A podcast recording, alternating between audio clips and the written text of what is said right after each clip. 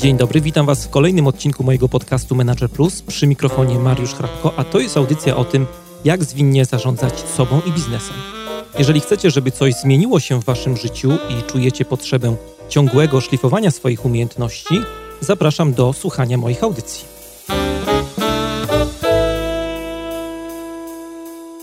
To jest podcast Manager Plus. Dzisiaj w audycji będziemy rozmawiali o modelu Freeze, który jest chyba najbardziej popularnym narzędziem diagnostycznym w Polsce i z tej okazji do programu zaprosiłem e, autorkę e, tego narzędzia, Anię Samborską-Owczarek. Witam Cię, Aniu, bardzo serdecznie. Witaj, Mariuszu. No tak jak e, powiedziałem, jesteś autorką pierwszego w pełni naszego, z czego jestem bardzo dumny, jako Polak, polskiego modelu, który jest oparty na polskich badaniach. Powiedz, jakie to jest uczucie? To jest po pierwsze na pewno satysfakcja, ogromna satysfakcja, ponieważ 10 y, lat temu, kiedy przyszedł mi do głowy taki głos, że warto byłoby zabrać się za coś, co nie, jest, nie wynika z mojego doświadczenia, y, z moich kwalifikacji, z mojej edukacji, ale za coś, co mnie fascynuje, zabrać się i zrobić coś swojego. Y, sądziłam, że jest to taka mrzonka mm, powiedziałabym nawet mhm. coachingowa, wtedy byłam w szkole coach, nie, to było przed jeszcze moją szkołą coachów, ale mhm. już, już wiedziałam, że y, to jest y, cel, który może być celem na życie. Więc w tej chwili faktycznie odczuwam satysfakcję i jednocześnie lekkie przerażenie, bo widzę, jak wiele można jeszcze zrobić, jak wiele jeszcze można osiągnąć, jak długa jest droga od tego momentu do spełnienia tych naszych wszystkich y, marzeń i życzeń. Lubię moją pracę po prostu. Mhm. No, warto to podkreślić, tak mówię jeszcze jako Polak i osoba, która ma y, na co dzień dużo do czynienia z zarządzaniem, z pracą z liderami, zespołami, że to, co zrobiliście, to jest pierwszy w pełni polski model którym można się pochwalić nie tylko w Polsce, ale też e, myślę za granicą. O tym może pogadamy trochę później, e, który właśnie jest nasz, jest oparty na naszych e, badaniach, badaniach, które mm, no, nie wymagają jakiegoś tuningu, jeśli chodzi o chociażby naszą kulturę, nie wymagają żadnej adaptacji. No bo jak się patrzy na zarządzanie, na, na wszystkie książki, które są, no to jednak większość tych pomysłów, którymi się inspirujemy w zarządzaniu, w pracy z liderami, jakoś tam zahaczają o Stany. Zdecydowanie najwięcej jest e, narzędzi anglosaskich, jeżeli oczywiście mówimy o narzędziach psychometrycznych mhm. i takich innych narzędziach podobnego typu, które, które wspomagają zarządzanie. I w Polsce występują ich formy takie zaadaptowane, to znaczy zazwyczaj przetłumaczone, czasami przetłumaczone i też zaadaptowane kulturowo i językowo, ale nie jest to standard niestety, dlatego e, część e, anglosaskich, zagranicznych narzędzi nie przystaje za bardzo do polskich realiów. Więc potrzeba tworzenia polskich narzędzi jest, jest oczywista, natomiast no, nie jest to takie proste, dlatego że rynek jest dosyć nasycony i e, każde wejście z nowym narzędziem psychometrycznym to jest, e, że tak powiem, pływanie po czerwonym oceanie. Tak. No ale trenerzy korzystają z tych różnych narzędzi właśnie na przykład anglosaskich i e, no nie wszyscy sobie zdają sprawę, że czasami jedno słowo w zasadzie wprowadza mm, sporo zamętu, sporo takiego nieporozumienia. Na przykład e, takim słowem akurat przy pracy z zespołami, z którymi ja się spotykam jest słowo commitment, które no jedni tłumaczą jako zobowiązanie, drudzy jako e, zaangażowanie. No i przypuszczam, że w ogóle w badaniach takich, o których mówisz, tych nieporozumień może być jeszcze więcej i one mają większy też wpływ i, i mogą się gorzej kończyć niż e, taka nasza codzienna komunikacja, prawda? O tak. Na początku lat 90. bardzo popularne było narzędzie przetłumaczone z języka angielskiego, które miało skalę mierzącą stopień uspołecznienia. Mhm. E, I ten stopień uspołecznienia zawierał pytania, a między innymi pytanie w języku polskim brzmiało: Jak często uczestniczysz w paradach? W paradach. W paradach. Mhm. W krajach anglosaskich uczestniczenie w paradach jest to przejaw uspołecznienia właśnie, angażowania się w wspólnotę, w społeczeństwo, świętowania świąt państwowych itd., tak itd. Tak w Polsce uczestniczenie w paradach kojarzyć się może hmm, dwuznacznie. Mhm. Prawdopodobnie lepszym lepszą wersją tego pytania w polskiej wersji kwestionariusza byłoby, jak często uczestniczysz w imprezach firmowych albo jak często chodzisz na imieniny do kolegów z pracy. Prawdopodobnie to byłoby lepszym przejawem uspołecznienia w naszej kulturze. I jeżeli wyobrazimy sobie taki kwestionariusz, który ma kilkadziesiąt pytań, i każde pytanie może być obarczone tego rodzaju kulturowym błędem, no to wiadomo, że wynik kwestionariusza może nie przystawać do y, rzeczywistej wartości danej mierzonej cechy. Mhm. Stąd właśnie bierze się problem z różnymi kwestionariuszami, które po prostu są przeniesione jeden do jednego. Kiedy tworzymy narzędzie dla danej kultury, dla danego języka, nawet jeżeli mamy pierwowzór, nawet jeżeli mamy metodologię, my je tak naprawdę tworzymy od nowa. Mhm. I Fris jest tworzony od nowa w Polsce, więc ten problem adaptacji po prostu tutaj nie istnieje i dzięki temu mogliśmy uniknąć bardzo wielu błędów, y, problemów potencjalnych, które się zdarzają przy wdrażaniu nowych narzędzi. A język y, jest czymś szalenie ważnym. To też myślę, że nie wszyscy sobie zdają z tego sprawę. Ostatnio miałem taką rozmowę z kolegą z branży, że tak powiem, i rozmawialiśmy o tym właśnie, że sporo takich rzeczy teraz w zarządzaniu e, w naszych firmach wiąże się z takimi rzeczami niemierzalnymi. E, no na przykład jest e, rola coacha w firmie albo rola Scrum Mastera akurat w firmach, które stosują zwinne metody pracy. I ciężko jest zmierzyć właśnie efekt tego, co robią. I żeśmy rozmawiali właśnie o różnych miernikach, które można wymyślać. I jednym z takich pomysłów, który się pojawił w naszej głowie, był właśnie język, że język jest takim fajnym wskaźnikiem, na przykład na to, jaka jest kultura organizacyjna w firmie. No i teraz, jeżeli używamy języka, który nie jest zaadaptowany albo inaczej go rozumiemy, no to jakby efekty pomiarów, to co mówisz tutaj cały czas, e, mogą być zupełnie niemiarodajne, tak? Faktycznie, mhm, zgadzam się jak najbardziej. E, definicje językowe, nawet które my stosujemy do interpretacji naszego narzędzia psychometrycznego, musiały być skonsultowane z dużą grupą osób, żebyśmy się zorientowali, czy faktycznie Polacy rozumieją to dokładnie tak, jak my chcemy to przekazać.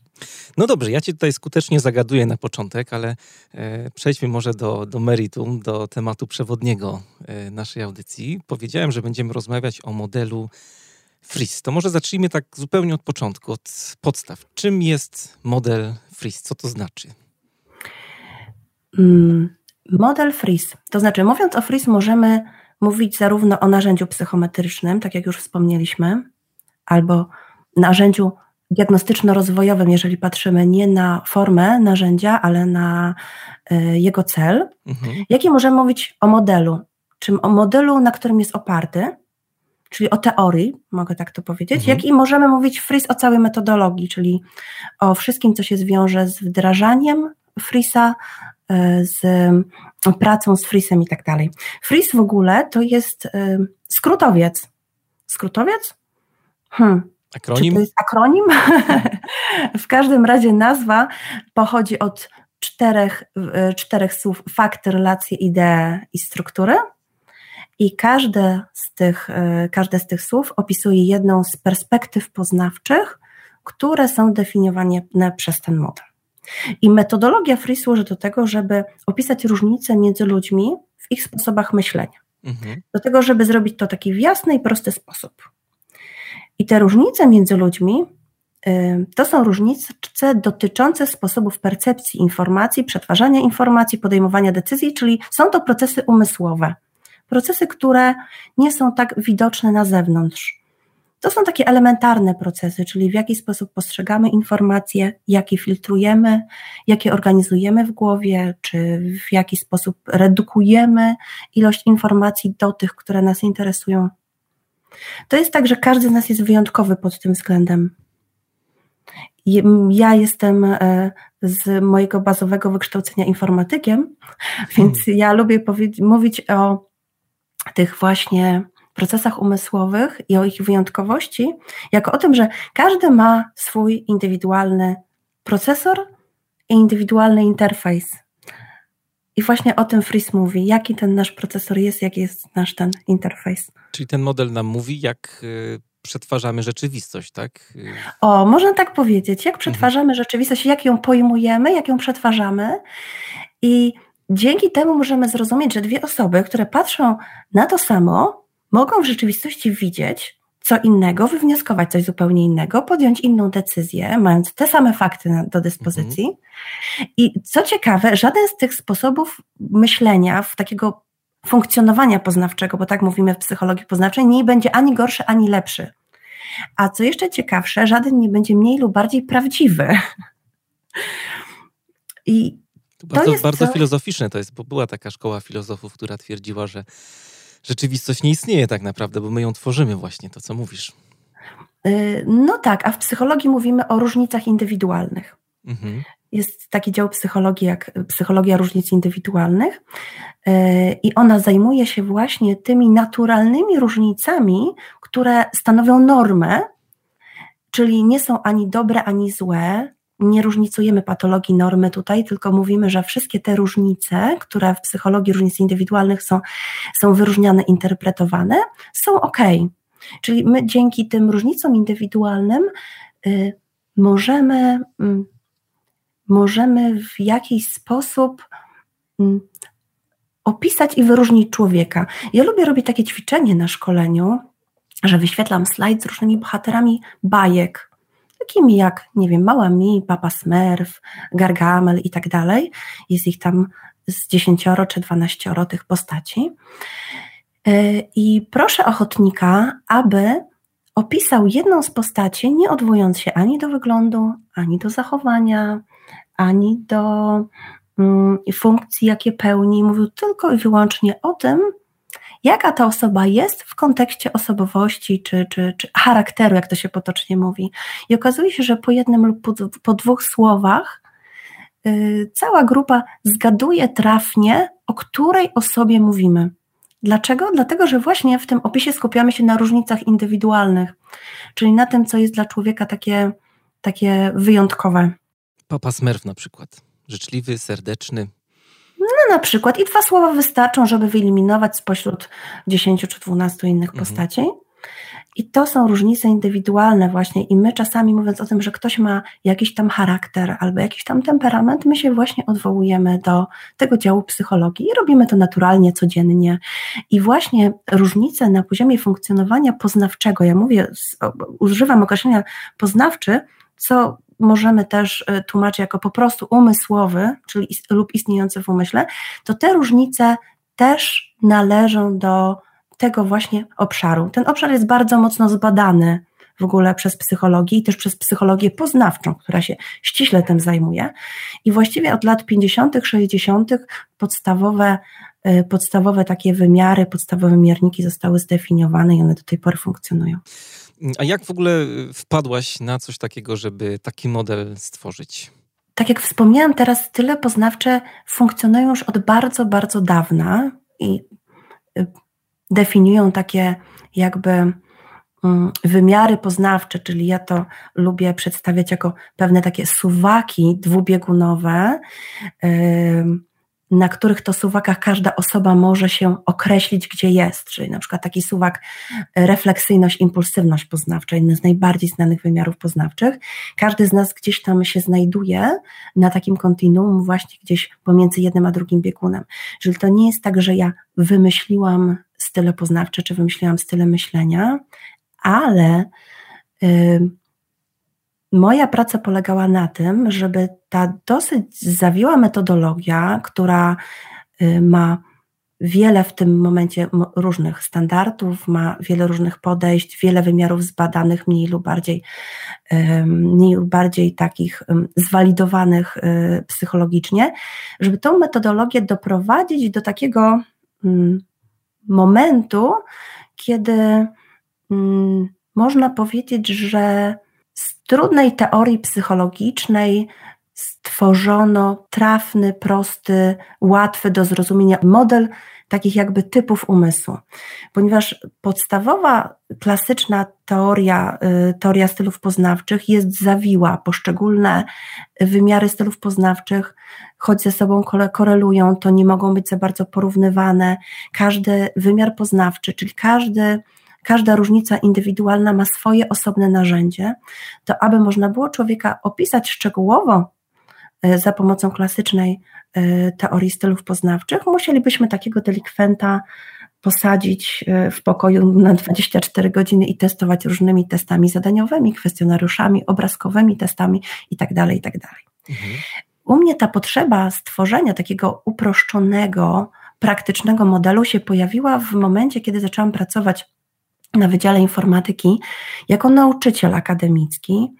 E, to było w 2004 roku, a w 2005 zaczęłam prowadzić przedmiot o nazwie inwentyka, czyli nauka o wynalazczości. Mhm. I wtedy pojawiła się ogromna potrzeba skorzystania z wiedzy o typach umysłu, pracując ze studentami informatyki, no, z dwóch powodów. Po pierwsze, chciałam otworzyć oczy na to, że są różne sposoby myślenia i dochodzenia do wyniku. Nie tylko ten logiczny czy algorytmiczny, który jest promowany na Wydziale Informatyki. Chciałam jednocześnie im pokazać, że jak zrozumieją swój naturalny sposób myślenia, to pomoże im to realnie w przyszłej pracy. To był jakby taki pier- jeden z jedna z dwóch przyczyn wprowadzenia tego tematu w ogóle, a druga, druga przyczyna była po prostu taka, że ja ich sama za bardzo nie mogłam zrozumieć. Dopóki byłam sama studentem informatyki, to wydawało mi się, że jest wszystko ok.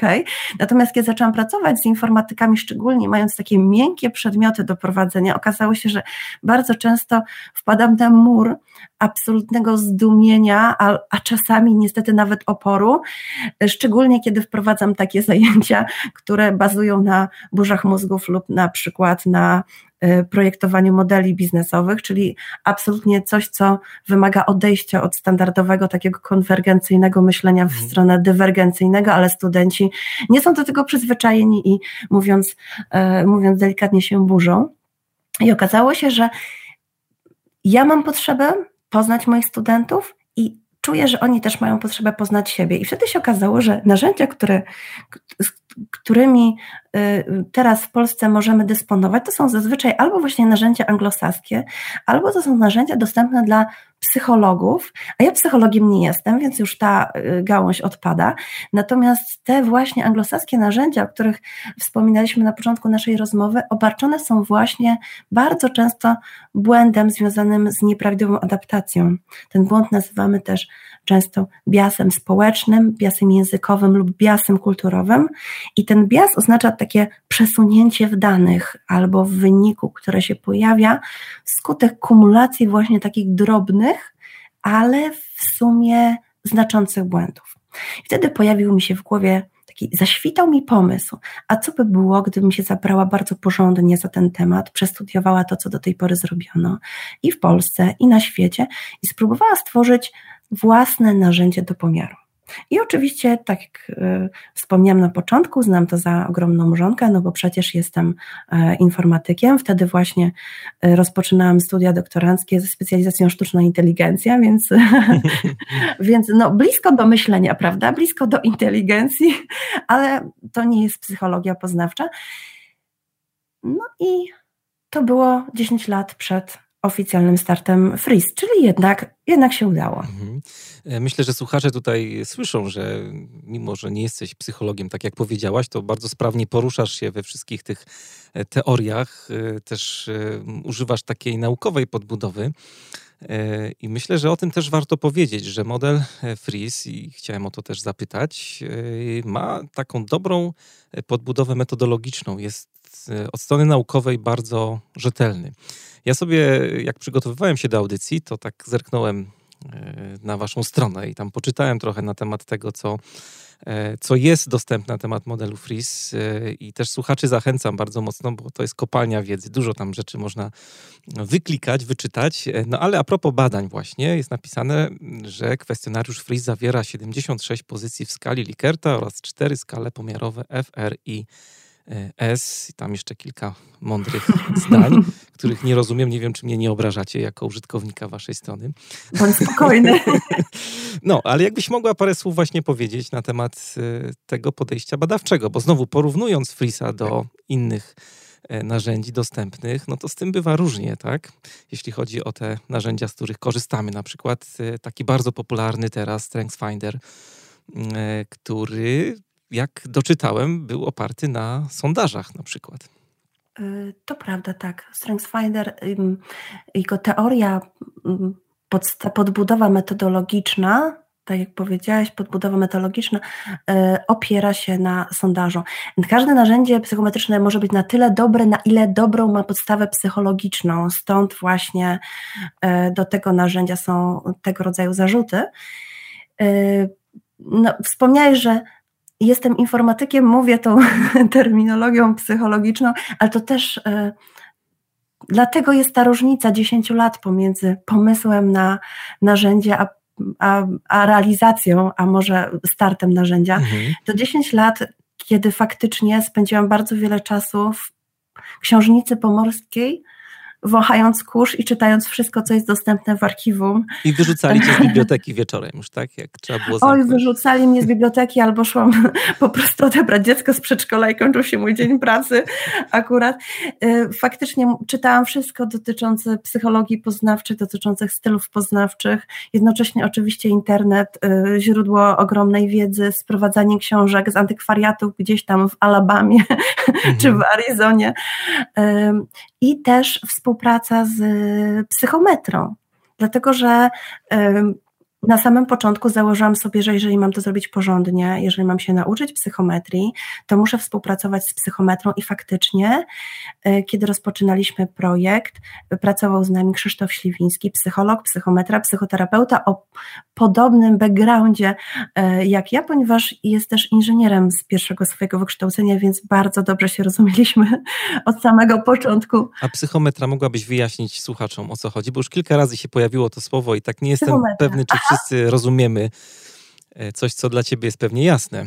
No pewnie, psychometra to jest specjalista od psychometrii, a mhm. psychometria z kolei to jest taki dział psychologii, który zajmuje się pomiarami psychologicznymi i tworzeniem testów psychologicznych.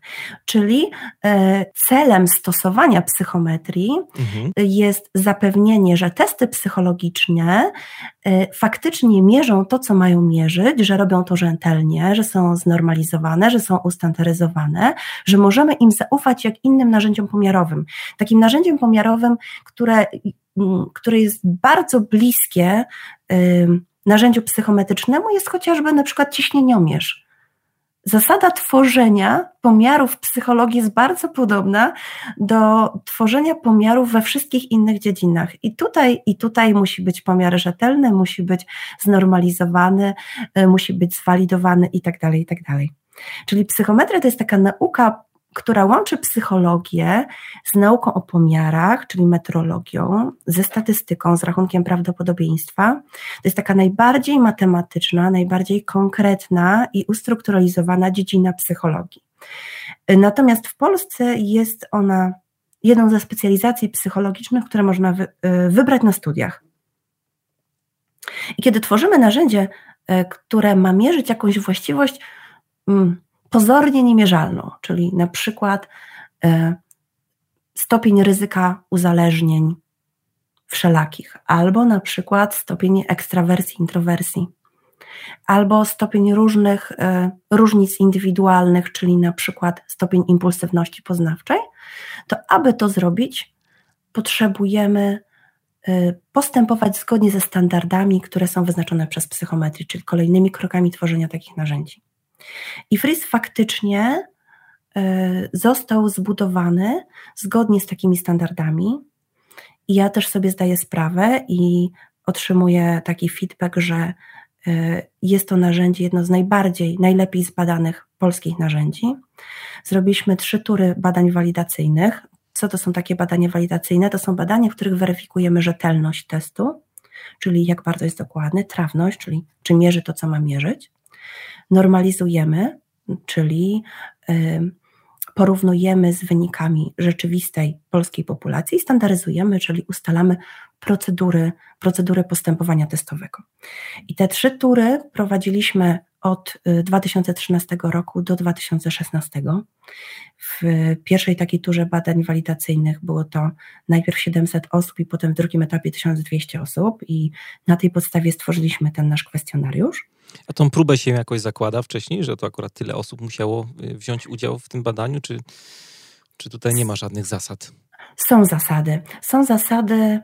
Mm, są zasady, są pewnego rodzaju dobre praktyki. Mówi się o kilkuset osobach. Czasami, czasami dopuszczone są do, e, do obiegu e, badania, które są walidowane na 300-400 osobach. Natomiast jeżeli badanie e, ma dać w wyniku wiele różnych zmiennych, wiele różnych pomiarów, to zazwyczaj jest faktycznie za mało. Tysiąc osób jest to naprawdę solidna, poważna próba i tutaj nie mamy wątpliwości, że uzyskane wyniki są wówczas statystycznie istotne.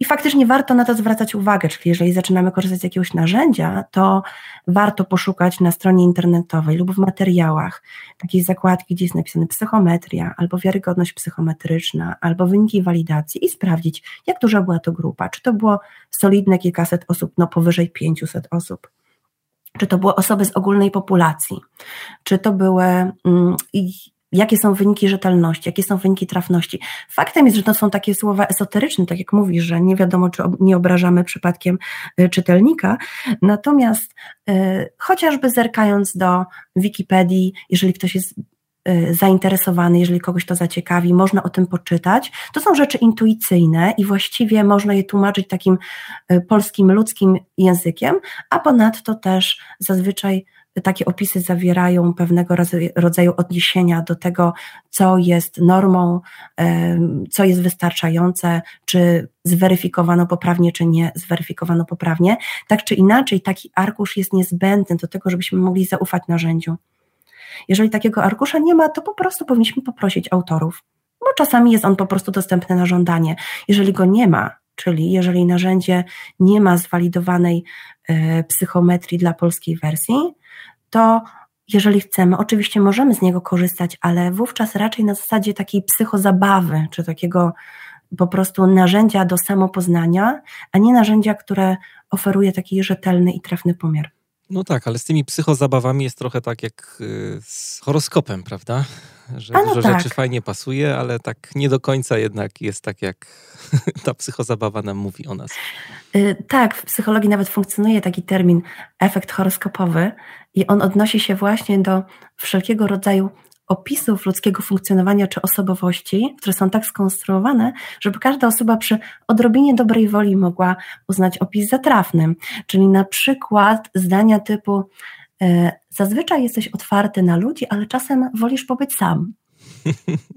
Czyli zobacz, osoby, które w 90% czasu lubią być z ludźmi, a w 10% czasu wolą być sami, zgodzą się z tym zdaniem. Tak. I osoby, które mają absolutnie odwrotną proporcję, również się zgodzą, dlatego że tutaj nie ma takich żadnych kwantyfikatorów czy, czy specyficznych określeń mówiących, jakie to są proporcje. Czyli zawierają sobie pełnię, zdania, które zawierają sobie pełnię. To tak jak um, taki obrazek, który kiedyś widziałam w internecie, dwie okładki książek obok siebie, jedna okładka ma tytuł wszystko, wszystko czego nauczysz się e, w, na Uniwersytecie w Cambridge, a druga okładka wszystko, czego się nie nauczysz w Uniwersytecie w Cambridge i pod spodem podpis. E, oto jest cała wiedza ludzkości. Czyli to jest mniej więcej podobne.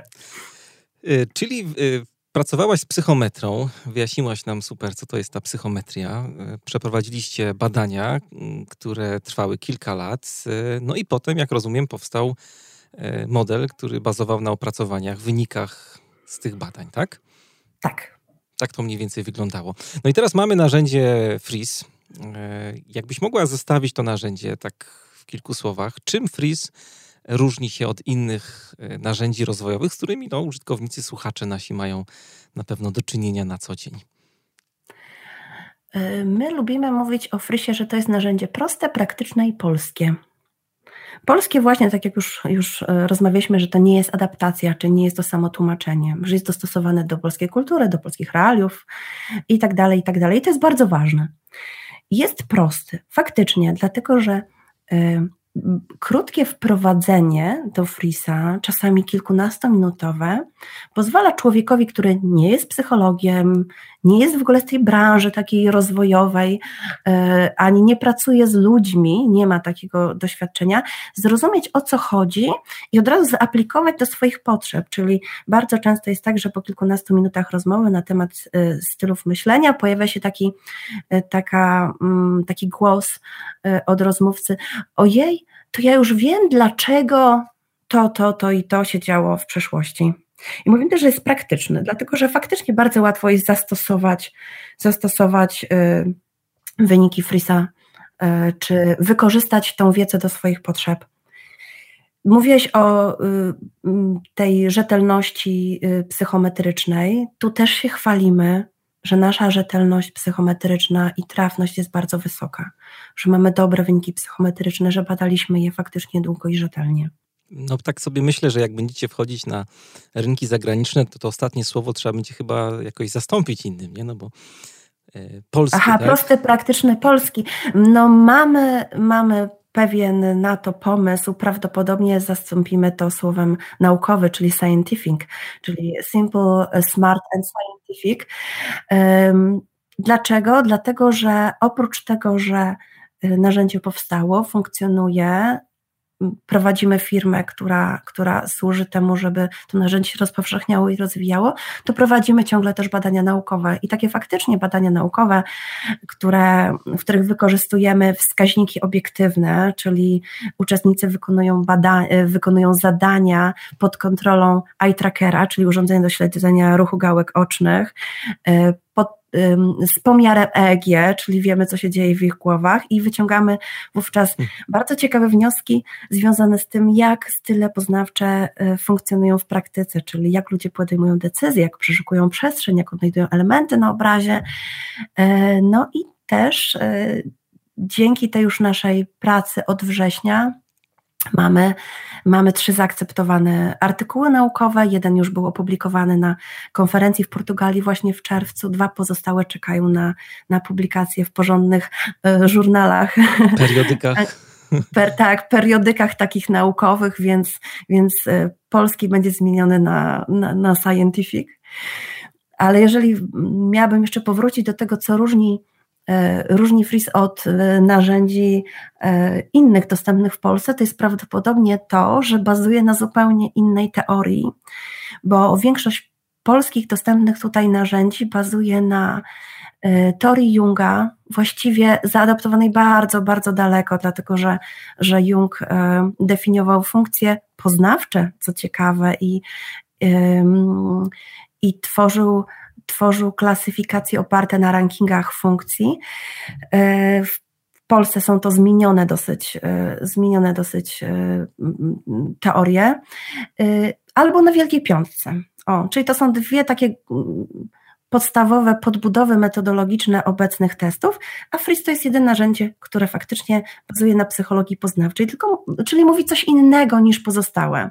Zajmuje się jakimś innym obszarem różnic indywidualnych i dzięki temu, nawet jeżeli znamy swoje wyniki z e, innych narzędzi, właśnie z Wielkiej Piątki czy, czy, czy z Junga, to możemy się ciągle czegoś nowego o sobie dzięki Frisie dowiedzieć. A propos tego, co powiedziałaś, że Fris jest e, praktyczny i, i prosty, to tutaj obiema łapkami się podpisuję, bo muszę powiedzieć, że no, jeszcze nigdy chyba się tak intensywnie nie przygotowywałem, a to wszystko za sprawą Gosi i Pawła, mm, którzy e, zanim w ogóle doszło do nagrania, to miałem obowiązkową sesję, musiałem wypełnić kwestionariusz i później spotkać się z trenerem, z Gosią Podolecką, którą bardzo pozdrawiamy tutaj przy okazji.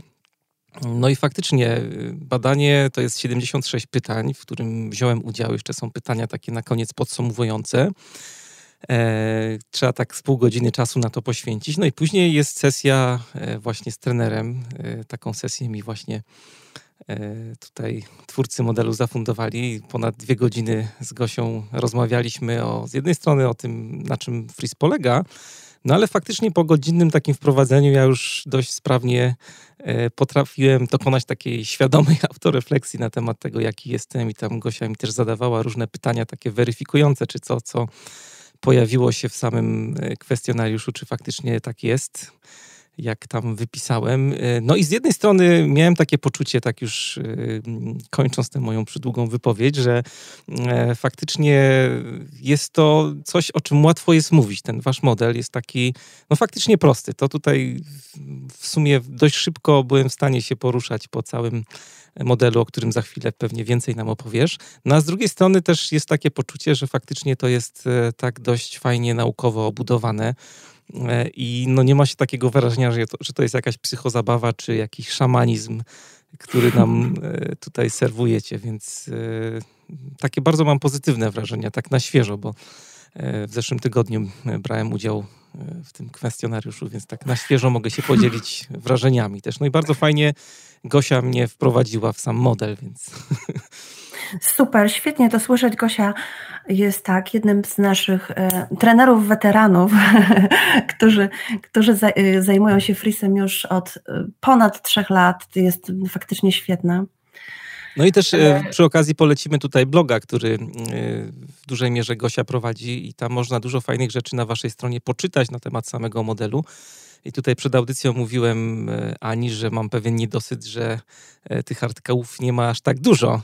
Ale będzie z tego więcej. co wiem, to pracujecie nad tym, więc będzie tego więcej, bo bardzo przyjemnie się to czyta i też fajnie wprowadza w różne tam tajniki, meandry związane właśnie z frisem. Chciałem, chciałem wrócić na e, naszą ścieżkę rozmowy, bo żeśmy zrobili małe dryfowanie teraz przez prowadzącego niestety wiąże się to właśnie e, pytanie z samym już e, frisem, bo powiedziałaś wcześniej, już chciałbym przejść do tego, żeby trochę tutaj słuchaczom wyjaśnić, e, na czym ten model polega, bo dużo żeśmy powiedzieli o takich rzeczach związanych z początkami, z tym, czym się to narzędzie różni od innych narzędzi. O kwestionariuszu trochę opowiedziałem z kolei ja i jakbyś mogła powiedzieć parę słów o mm, samym modelu. Mówiliśmy, że akronim FRIS, co ten FRIS mhm. znaczy, Model FRIS to jest model czterech perspektyw poznawczych.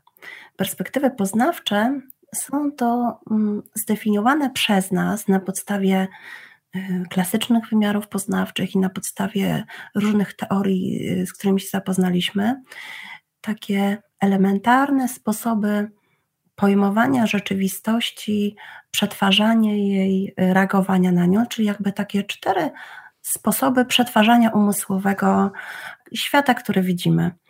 Y, fakty, relacje, idee i struktury. Fris. Czyli fris. Fakty, perspektywa poznawcza faktów oznacza najprostszy i najszybszy model przetwarzania, w którym, mm, w którym patrząc na jakiś problem, odruchowo mm, dokonujemy najpierw y, sele najpierw selekcji informacji, to znaczy określamy, oceniamy je, określamy ich przydatność z punktu widzenia konkretnego celu, w, który mamy, czy konkretnego problemu, czyli co się przyda, co się nie przyda, co jest trafne, co jest nietrafne, co jest dobre, co jest złe, co jest właściwe, co jest niewłaściwe i redukujemy informacje, które do nas, e, które do nas przychodzą do takiego powiedziałabym sedna do najprostszego, najważniejszego zbioru, w którym następnie ustalamy y, priorytety, czyli ustalamy kolejność, ustalamy ważność. Następnie przetwarzamy te informacje w sposób liniowy, logiczny i zazwyczaj generujemy jedno rozwiązanie. To są takie osoby, które możemy poznać po tym, że stosują zazwyczaj oszczędną komunikację, dlatego że najsilniejszą stroną osób z silną perspektywą faktów jest umiejętność upraszczania, więc upraszczają również komunikację. Ich silną stroną jest upraszczanie zawiłych problemów do y, prostych rozwiązań, czasami do prostych dylematów A czy B. I to jest y, perspektywa związana z najbardziej z wymiarem poznawczym, klasycznym, jakim jest złożoność poznawcza.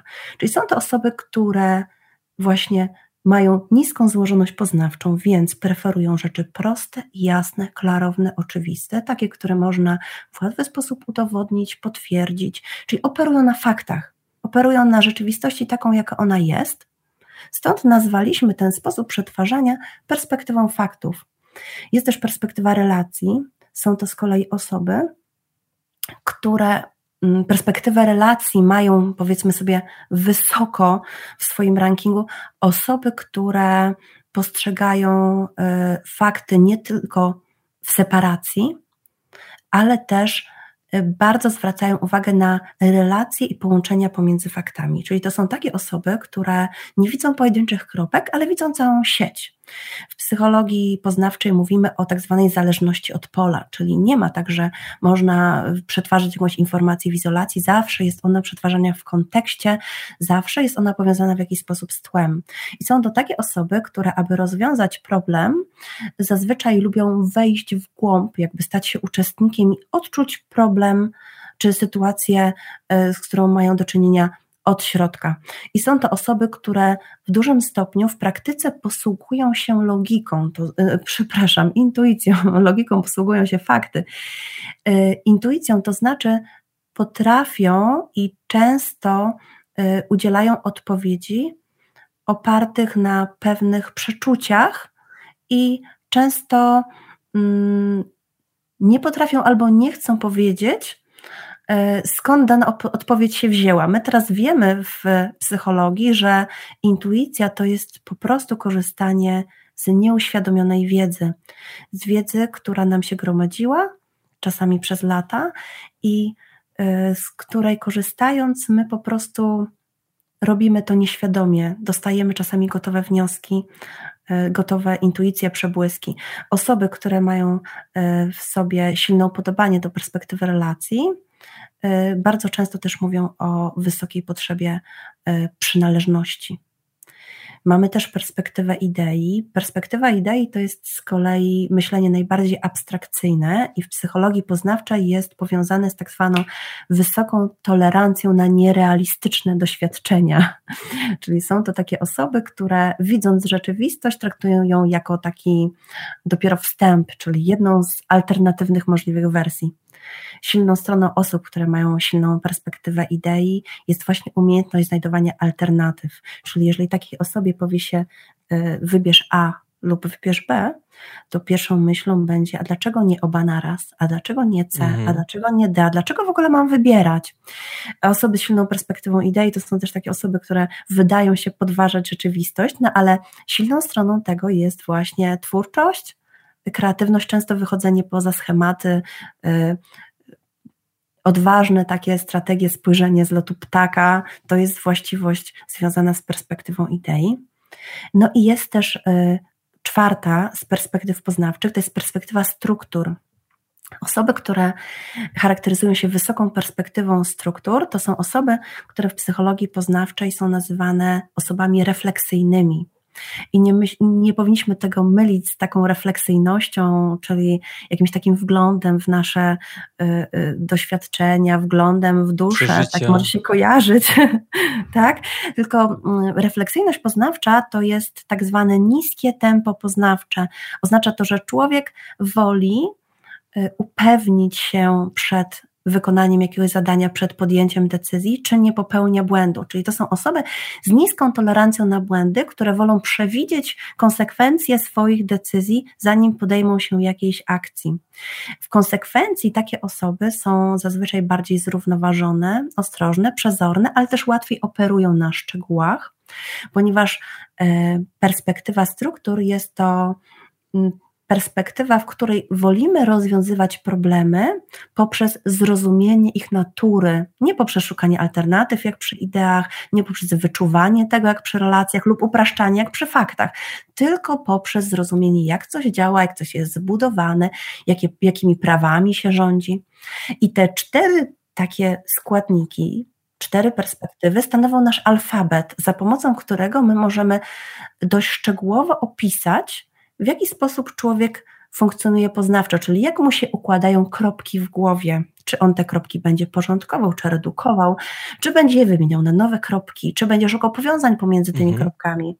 I nagle okazuje się, że każdy z nas, chociaż jest osobą wyjątkową, ma wyjątkową osobowość, wyjątkowe doświadczenia, jest unikalny, to jednak pod względem poznawczym może faktycznie wpisywać się w jeden z czterech podstawowych, że tak powiem, nurtów. E, I nie, nie jest to żadne spłaszczenie ani uproszczenie jego osoby.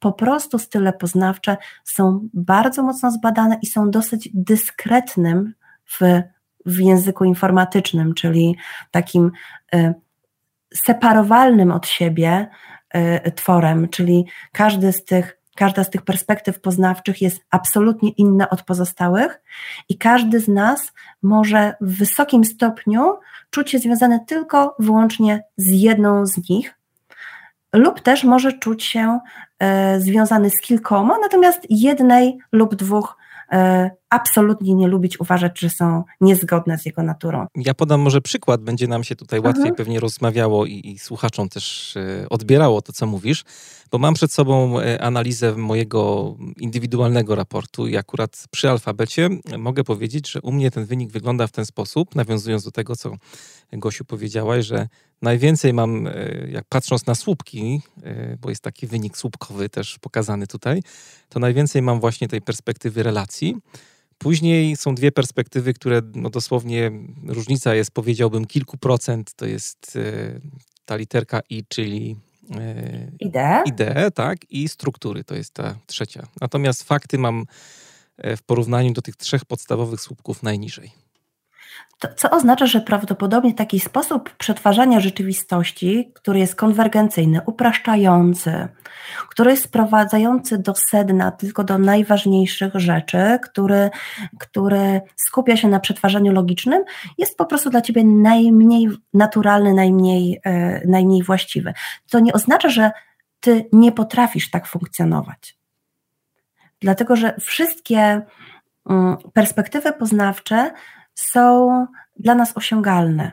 Natomiast każdy z nas mógłby sobie ustalić pewien ranking i ty właśnie przekazałeś swój ranking, najpierw e, relacje, idei, struktury zaraz obok i długo, długo i, i fakty. I fakty, tak. Tak, i fakty, co oznacza, że prawdopodobnie, yy, prawdopodobnie jesteś osobą abstrakcyjnie myślącą, jesteś osobą, która lubi złożone złożone rozwiązania. Jednocześnie bardzo, bardzo mocno prawdopodobnie dbasz o spójność, harmonię, szczegóły, dopracowanie Estetyka wszystkiego. Estetyka jest dla mnie ważna. Estetyka, dokładnie.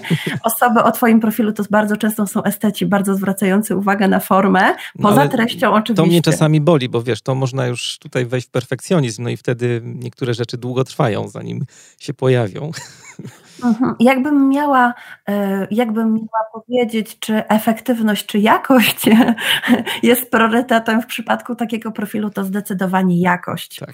Fakty są z kolei nastawione głównie na efektywność, na szybkie osiąganie celów, na szybkie przejście z punktu A do punktu B najkrótszą drogą. Z kolei osoby, które tą perspektywę faktów gdzieś mają w ogonie, powiedzmy, często wolą nadrobić drogi dla pewnego efektu, dla pewnego ideału. Mhm.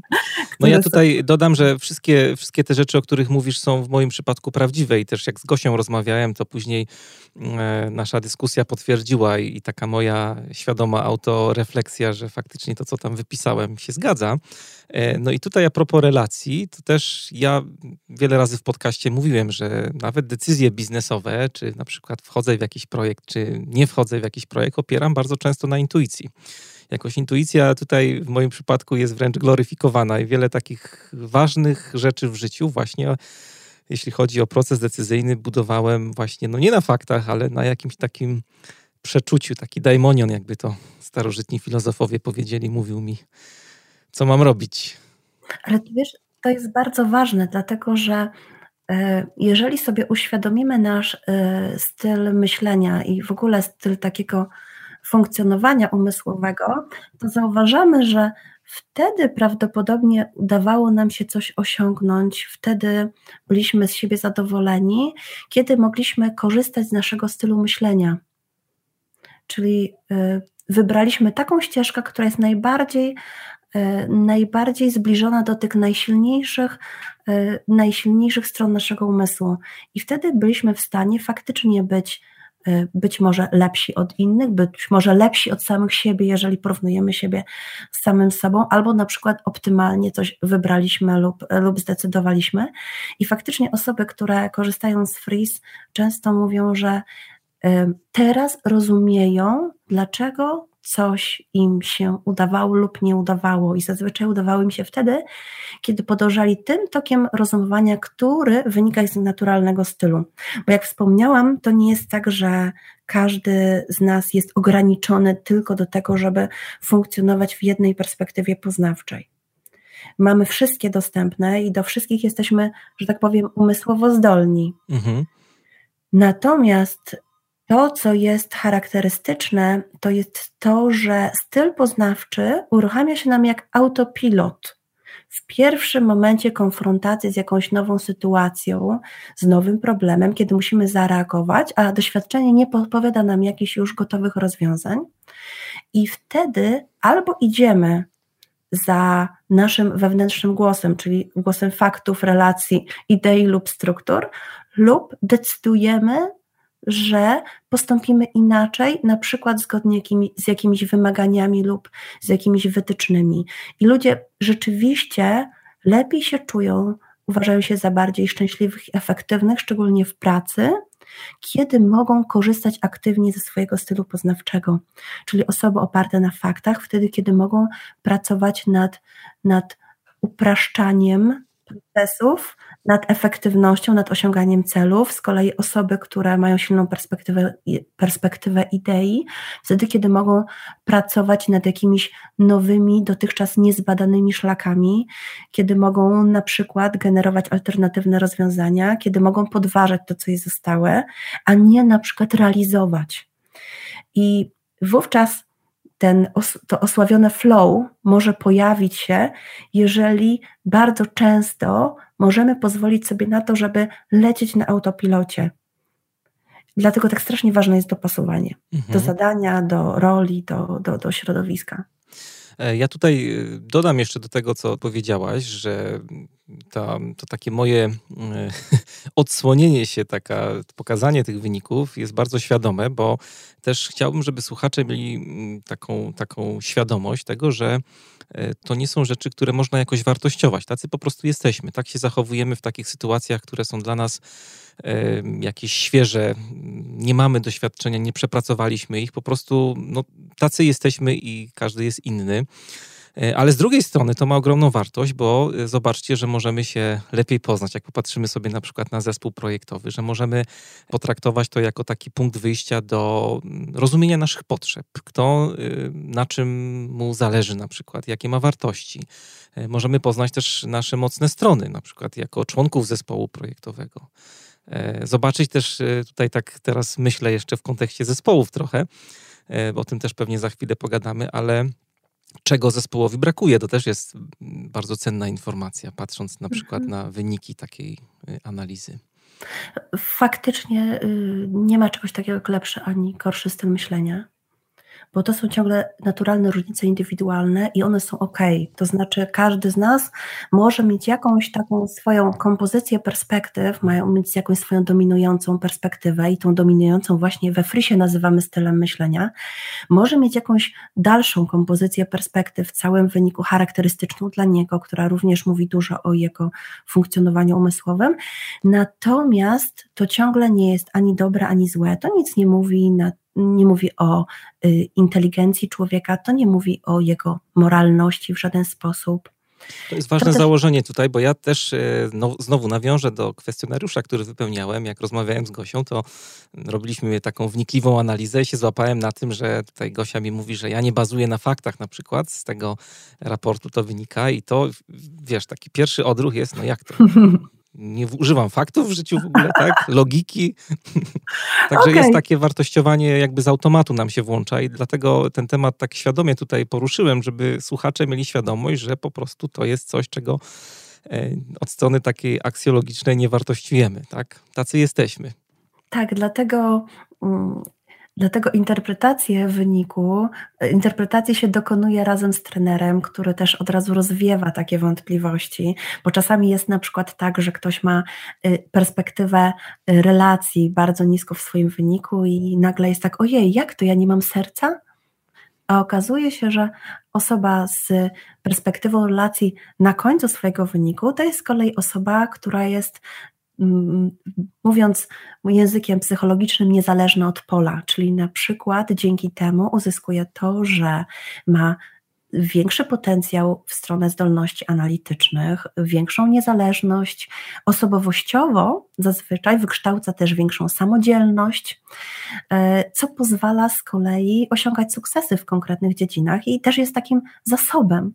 Właściwie każda informacja, którą uzyskujemy e, z wyników FREEZE, może mówić o naszych potencjalnych zasobach, czyli o obszarach e, które jeżeli będziemy się rozwijać w tym kierunku, jesteśmy w stanie faktycznie, faktycznie osiągnąć coś, coś dużego, ale też będzie mówić o pewnych takich pułapkach, które mogą się e, pojawić e, związane z na przykład e, niewłaściwym stosowaniem perspektywy, czyli osoba, mhm. która bazuje na faktach, jeżeli robi to świadomie, robi to robi to nie przesadzając, będzie to osoba zdecydowana, stanowcza, może być doceniana za to, że jest konkretna, że mówi na temat, że nie kombinuje, że jest transparentna i uczciwa.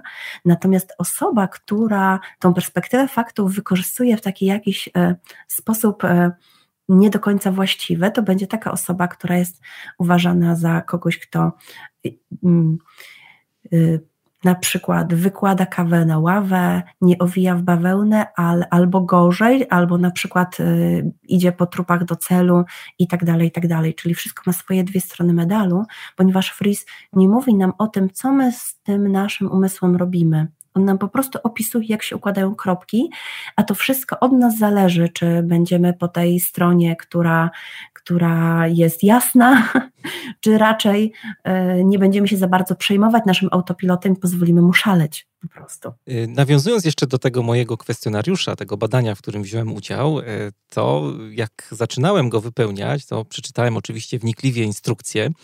Mhm. E, I jest tam napisane coś takiego, że badanie FRIS nie jest oceną ani pomiarem kompetencji, lecz służy do określenia Twojego naturalnego sposobu myślenia. Myśmy teraz mówili o alfabecie, o tych czterech literkach, które tworzą nazwę tego modelu.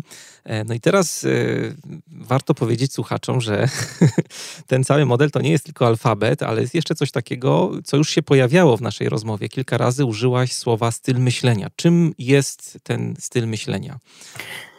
Styl myślenia w modelu FREEZE to jest ta perspektywa poznawcza, która uruchamia się w pierwszym momencie. To jest nasz autopilot. Mówimy czasami też o perspektywie, która się ujawnia w czasie zero, czyli w tej pierwszej chwili konfrontacji z nowym problemem, y, z mm, nową sytuacją. Czyli ja na jest... przykład używam intuicji w takich sytuacjach, bo wyszło mi, że ta moja perspektywa najbardziej taka czytelna mhm. to są relacje. Tak, im nazywamy osoby, które mają tą perspektywę najwyżej w swoim rankingu, jest ona dla nich najbardziej dostępna, najbardziej naturalna, nazywamy ich partnerami. I prawdopodobnie wiesz już, dlaczego tak. nazywamy partnerami. Tak, jestem partnerem. Tak, to jest mój, mój styl myślenia, który e, potwierdził też, potwierdziło badanie, w którym wziąłem udział.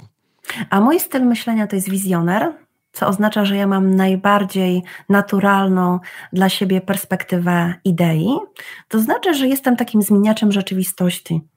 Więc na co ale, spojrzę, to od razu chciałabym to jakoś zrobić inaczej. Ale to duży szacun za to, że wytrzymałaś te 10 lat i, i opracowałaś cały model i wzięłaś udział w badaniu, bo z tego co wiem, to wizjoner to jest ktoś, kto też ma taki słomiany zapał trochę do e, realizacji.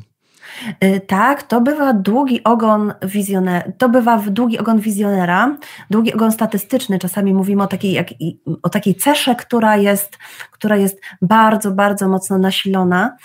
Natomiast y, z dobrych stron, takich silnych stron wizjonera jest na przykład to, że jest elastyczny i łatwo dopasowuje się do dopasowuje się do zmieniających się realiów. Jeżeli na przykład jakiś projekt y, nie rokuje, to zamiast iść w zaparte i próbować dokończyć, porzuci na rzecz y, bardziej obiecującego. No i oczywiście ma to swoje dobre i ma to swoje złe strony, więc czasami będzie to nazwane słomianym zapałem, czasami będzie to nazwane właśnie elastycznością, ale przyznaję, 10 lat pracy nad jednym zagadnieniem było możliwe tylko dlatego, że co chwilę pojawiało się coś nowego, coś odkrywałam, coś, co mnie ekscytowało, jakieś kierunki, w które mogłam pójść. Faktycznie to był największy projekt, za jaki się w życiu zabrałam. No i w tym momencie jako no, Projekt na całe życie w zasadzie, nie? Projekt na całe życie w zasadzie. I jeszcze tyle ścieżek i tyle możliwości przed nami, także mam nadzieję, że się nie znudzę. Tak. Powiedzieliśmy o partnerze, powiedzieliśmy o wizjonerze. Czy jeszcze jakieś style myślenia pojawiają się we Frisie? Dwa style myślenia powiązane z dwoma pozostałymi perspektywami. Y, perspektywa faktów, jeżeli ktoś ma ją dominującą, y, to jest zawodnikiem. Dlaczego zawodnik? Dlatego, że takie osoby są zazwyczaj pierwsze na starcie, pierwsze na mecie. O, warto tutaj podkreślić różnicę pomiędzy osobowością a stylem myślenia. Mhm. Dlatego styl myślenia y, dotyczy tylko i wyłącznie tylko i wyłącznie układu kropek i, i, sposobów percepcji, a osobowość jest znacznie szerszym pojęciem. Można powiedzieć, że styl myślenia jest elementem osobowości, tak jak temperament jest elementem osobowości, doświadczenia, wartości, jakieś nawyki, przekonania i tak dalej. To są wszystko elementy osobowości. I osobowość się wykształca przez całe życie. Właściwie my się rodzimy z jakimiś zrębami osobowości i potem je rozwijamy w drodze doświadczeń, um, wpływu środowiska i tak dalej, i tak dalej.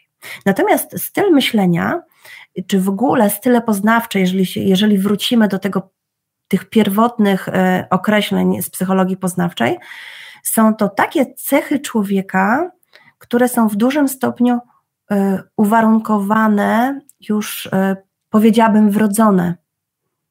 Co oznacza, że kiedy się już rodzimy, to właściwie mamy gotowy przepis na to, którą ścieżką poznawczą pójdziemy. Podobnie jak temperament. Temperament też jest w dużym stopniu wrodzony. A więc styl poznawczy i temperament, one się ujawniają bardzo szybko. Już u takiego dziecka w wieku przedszkolnym możemy dosyć trafnie opisać style poznawcze i dosyć trafnie opisać temperament, natomiast osobowość się ciągle jeszcze rozwija. I tak jak osobowość jest bardzo złożona i podatna na wpływy, ja często lubię używać takiej metafory jak nasza twarz, to styl poznawczy jest jak kolor oczu. On się bardzo szybko ujawnia i pozostaje stały, względnie stały, że tak powiem, przez całe życie. Stąd, kiedy mówimy o stylach poznawczych albo stylach myślenia, to mówimy o takich dosyć wąskich, mocno sprecyzowanych kategoriach w psychologii. Można dosyć precyzyjnie, konkretnie opisać style poznawcze. Osobowość to jest ogromny konglomerat cech. Więc kiedy ja mówię na przykład, że zawodnik z dominującymi faktami, jest pierwszy na mecie, pierwszy na starcie, zazwyczaj jest szybki i tak dalej, to zaczynam mówić o cechach, które się wykształcają w osobowości w odpowiedzi na to, że człowiek ma taki, a nie inny styl poznawczy. Czyli też mówię o tym, że y, styl poznawczy na równi z temperamentem jest jakby zrębem, podstawą do tworzenia się osobowości i dlatego to jest tak strasznie ważne. No i teraz wracając do ostatniego stylu myślenia, mhm ostatni styl myślenia oparty na strukturze, to jest badacz. Nazwaliśmy go badaczem, ponieważ zanim podejmie się jakich, jakichś akcji, yy, ma potrzebę dogłębnego, dogłębnego zrozumienia sytuacji lub problemu, czyli yy, reguł, praw działających, yy, po to, żeby czuć, że ma w głowie pełną, kompletną, spójną układankę. Im więcej nas z perspektywy struktur, tym większa potrzeba uzupełnienia informacji przed działaniem i mniejsza tolerancja na własne błędy. Mam takiego kolegę, który przez pół roku kupował kamerę HD, bo było tyle opcji, tyle różnych rzeczy do przeanalizowania, że dopiero po pół roku był w stanie kupić to, co chciał kupić. E, to bywa typowe faktycznie. mając silną perspektywę struktur, możemy skupiać się nie tylko na kryteriach, ale też na wagach kryteriów, e, kryteriach do kryteriów. Tak.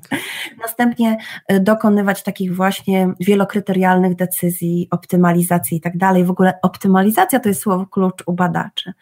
Badacze lubią optymalizować. E, warto powiedzieć też, e, tak głęboko nie wchodzimy tutaj w te wszystkie e, style myślenia, ale przy analizie, jeżeli słuchacze wzięliby udział w takim badaniu, czy chcieli poznać bardziej ten swój myślenia, styl myślenia, to analizujecie go od strony na przykład komunikacji, od strony podejścia do konfliktu, to co mówiłaś, od strony bycia w stanie flow, czyli jak się zachowuje konkretny styl myślenia, konkretna osoba właśnie w takich sytuacjach, które nas uskrzydlają, że się zatracamy w pracy i zapominamy o całym Bożym świecie i czasie, który gdzieś tam zupełnie pobocznie sobie pędzi. No i to, co mówiłaś, te takie sytuacje, które mm, no, są naszą taką, użyłaś takiego słowa ogonem, tak? krzywej tak. Gaussa. tak. To właśnie też jest bardzo cenna rzecz, bo wiemy wtedy na przykład perfekcjonizm w moim przypadku jest takim ogonem, który się za mną ciągnie przy akurat partnerze. I przy idealiście. I przy idealiście, tak. Omówiliśmy e, styl myślenia tak pokrótce i jeszcze pojawia się coś takiego, e, co się nazywa styl działania. Yy, tak. Mm, jeżeli chodzi o nasz model freeze, który się składa z czterech literek, to on może być interpretowany na wielu różnych poziomach. Mamy trzy główne poziomy interpretacji wyniku, czyli pierwszym jest styl myślenia, czyli która perspektywa dominuje. Drugim poziomem interpretacji jest interpretacja całego rankingu, czyli jak się układają perspektywy według preferencji, które, poza dominującą są również ważne, a które są unikane. I to jest styl działania. Styl działania mówi nam o naszej naturalnej postawie wobec rozwiązywania problemów. Ta naturalna postawa wobec rozwiązywania problemów y, jest też interpretowana takimi przyjaznymi słowami, aby było nam to łatwiej zrozumieć. Czyli we Frisie mamy realistę, mamy stratega, mamy entuzjastę, mamy idealistę. No to ja, to ja. Tak, czyli mamy, y, mamy różne sposoby podejścia do rzeczywistości, które są ważne również po tym czasie zero. Czyli o ile u ciebie intuicja i relacje w, według Fris pojawiają się w pierwszym momencie, to potem, kiedy już w dłuższym terminie, y, w dłuższym czasie pracujesz nad jakimś rozwiązaniem, ujawniają się nie tylko relacje, ale na przykład też to, że unikasz w tym działaniu perspektywy faktów, czyli no, raczej nie będziesz upraszczał, raczej będziesz komplikował, raczej będziesz coś ozdabiał, raczej będziesz coś upiększał, niż sprowadzał do sedna. Podobnie podobnie, ale oczywiście w innym nurcie, będą y, ujawniać charakterystyczne cechy właśnie realisty, który będzie unikał ryzyka i dbał o bezpieczeństwo w swoim działaniu, stratega, który będzie wielopoziomowo planował, czy entuzjasty, który będzie po prostu szedł na żywioł a więc będzie impulsywny poznawczo, jak to też w psychologii poznawczej mówimy.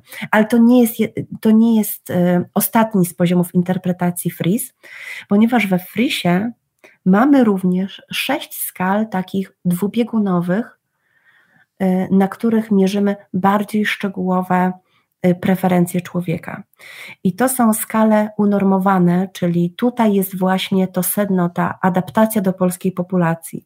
Czyli możemy człowieka opisać jeszcze bardzo szczegółowo, liczbowo, na takich, że powiedziałabym, sześciu suwakach, czyli na przykład na suwaku, który mówi nam, w jaki sposób człowiek formułuje cele, jakich rezultatów oczekuje, czyli czy na przykład jest y, zorientowany na uzyskiwanie konkretnych wyników, czy na przykład jest zorientowany na rozwiązania kompromisowe, czyli gdzieś tam jeszcze głębiej pod tą taką fasadą prostoty i praktyczności modelu znajdują się bardziej y, złożone y, bardziej precyzyjne informacje dla tych osób, które chcą się poznać jeszcze od takiej mm, bardziej dogłębnej strony, że tak powiem. I te sześć skal dodatkowych pokazuje też, w jaki sposób mogą się różnić dwaj partnerzy od siebie, dwaj zawodnicy od siebie. Tutaj już mówimy o pewnych niuansach, które mogą być ważne na przykład w takim dłuższym procesie, procesie coachingowym, czyli czy przy, przy rozwiązywaniu konfliktów pomiędzy dwoma osobami, bo może się okazać, że na jednej ze skal dwie osoby funkcjonują zupełnie na dwóch różnych biegunach i to jest e, zarzewie jakiegoś konfliktu. Ja na przykład e, tutaj użyłaś e, orientacji na wynik i orientacji na kompromis. To zdecydowanie jestem na ósemce tutaj, jeśli chodzi o kompromis i jakoś dążę do kompromisu. To się bardzo też sprawdza, ten wynik z mojego raportu w przypadku mojej takiej e, próby radzenia sobie z rzeczywistością. Także raczej też niekonfliktowy jestem, unikam konfliktów, wolę zdecydowanie kompromisy, jak są jakieś takie sytuacje e, podbramkowe gdzieś w zespole na przykład.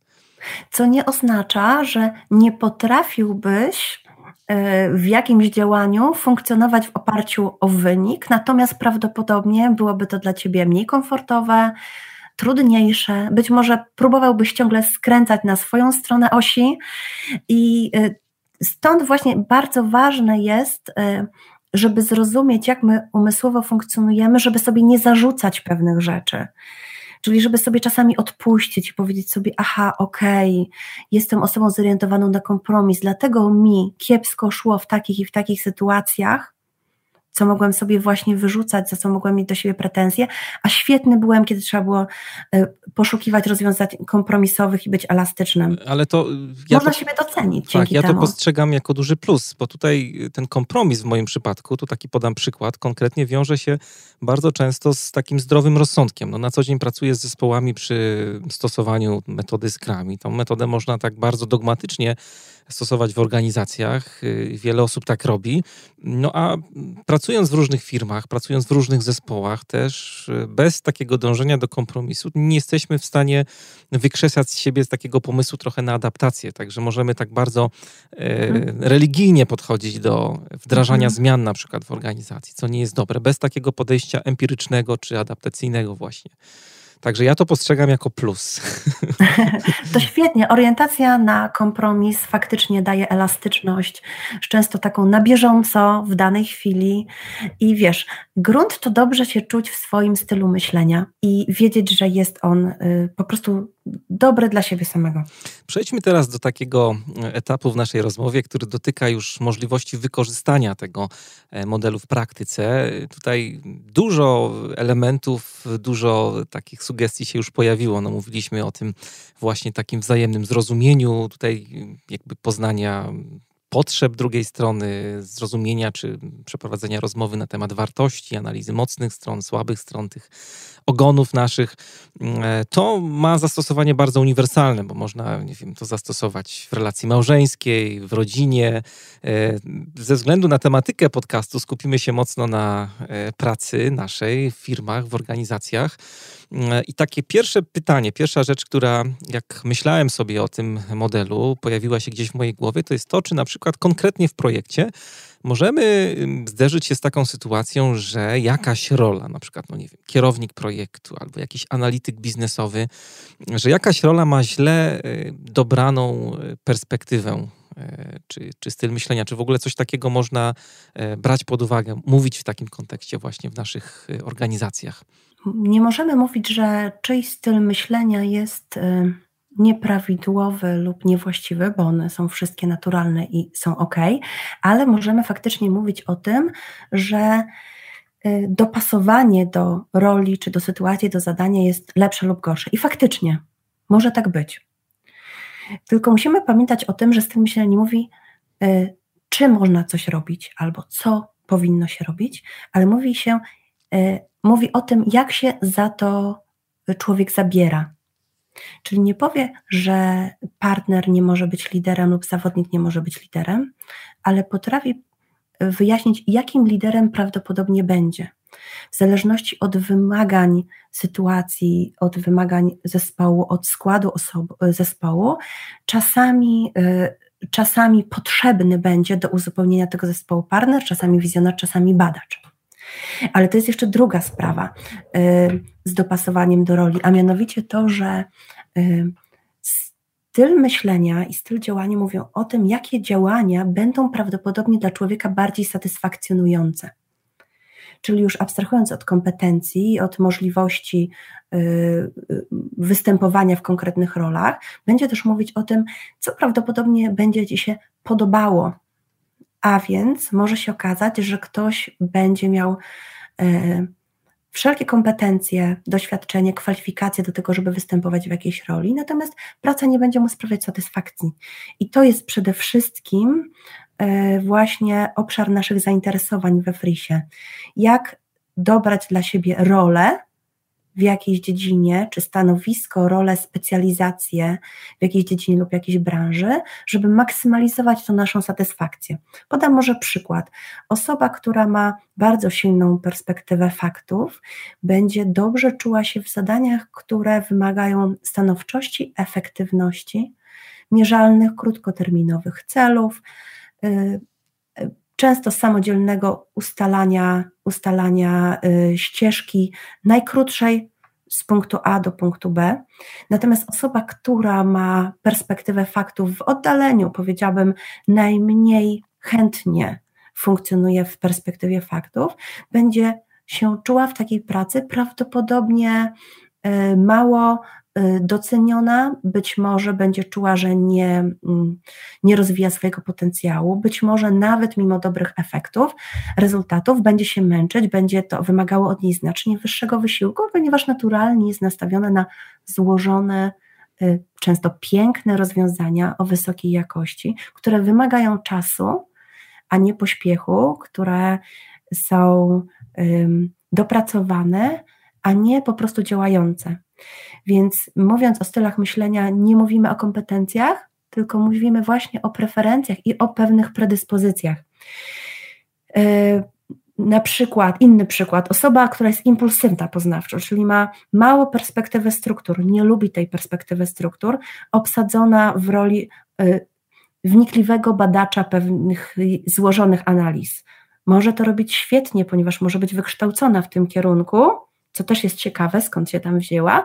Natomiast może to nie być dla niej satysfakcjonujące i może być po prostu może być spalające, tutaj też bardzo właśnie blisko, o krok do wypalenia zawodowego. My we Frisie badaliśmy, mm, badaliśmy 1050 osób y, w zakresie preferencji zawodowych. Były to osoby, które nie uzyskały wcześniej swojego wyniku FRIS, więc nie potrafiły jeszcze połączyć wyników FRIS z, z w pytaniami dotyczącymi preferencji, więc też nie było tutaj takiego efektu czy, czy próbę dopasowania. I dowiedzieliśmy się dzięki temu badaniu, że osoby o różnych stylach działania, czyli różnych rankingach perspektyw, mają zupełnie różne preferencje zawodowe, czyli niektórzy lubią występować w roli osoby koordynującej, jeszcze inne na przykład y, osoby, która jest mentorem, jeszcze inne w, w roli y, osoby, która kontroluje procesy i tak dalej, i tak. Więc faktycznie korelacje są wysokie i warto jest y, sprawdzać y, dopasowanie roli do, do stylu myślenia, czy stylu myślenia do roli. Mhm.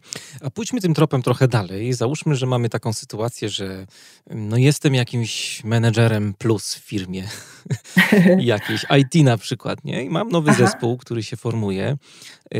Jak mógłbym wykorzystać właśnie model Freeze do tego, żeby ten proces budowania tego mojego nowego zespołu trochę usprawnić? Co byś podpowiedziała takim menedżerom? Nasi trenerzy pracują z zespołami już, już właściwie od początku Freeze. E, pracują z wykorzystaniem specjalnego raportu, który stanowi opis e, diagnozy potencjału zespołu. Nawet e, zajrzałam wczoraj do naszych wyników statystycznych, to jest około 450 zespołów w ostatnich dwóch latach. Mhm. Więc faktycznie mamy dowody na to, że zespoły widzą wartość w pracy z Freeze i, yy, i liderzy zespołu chętnie się do naszych trenerów z tym zwracają. Freeze pozwala zdiagnozować potencjał zespołu w trzech głównych obszarach: w obszarze inicjowania procesów, w obszarze przygotowania ich, czyli takiej analizy, i w obszarze wdrażania procesów. I tutaj zarówno ze względu na priorytety i cele, jak i na kwestie współpracy i zaangażowania. Co oznacza, że właściwie każde długoterminowe, czy nie ograniczajmy się do długoterminowych. E, każdy proces, każde przedsięwzięcie, za które się zabiera zespół, możemy podzielić na te trzy podstawowe etapy i możemy dowiedzieć się dzięki temu właśnie raportowi FRIS, jak bardzo nasz zespół jest mocny w każdym z tych trzech etapów.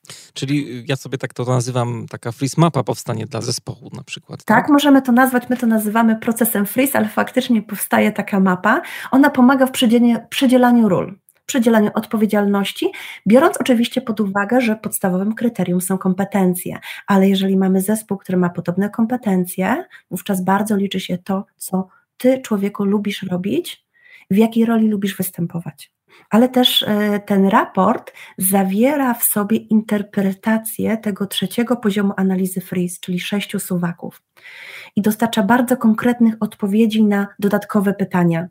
Czyli z tego raportu dowiemy się, jak każda osoba w zespole formułuje cele, jakich rezultatów oczekuje, czyli czy na wynik, czy na kompromis, jak interpretuje informacje, czyli czy jest konkretna i czy abstrakcyjna, jak podejmuje decyzje, czyli czy w drodze szczegółowej analizy, czy bardzo szybko upraszcza i decyduje, albo na przykład w jaki sposób włącza innych w swoje działania, czyli czy jest raczej osobą, która woli indywidualnie kreować swoją pracę, czy to jest raczej taka osoba, która się chętnie chętnie angażuje w praktyczne działania z innymi. Czy też na przykład w jaki sposób osoby określają swoje stanowisko, czyli czy mamy osoby takie ekspresyjne, intuicyjne, które, które mm, właśnie w intuicyjny sposób określają, co uważają i jakie mają zdanie na, na, dany temat, czy też takie osoby, które są bardziej zrównoważone, racjonalne, wolą się przyjrzeć, zaobserwować i dopiero zdecydować.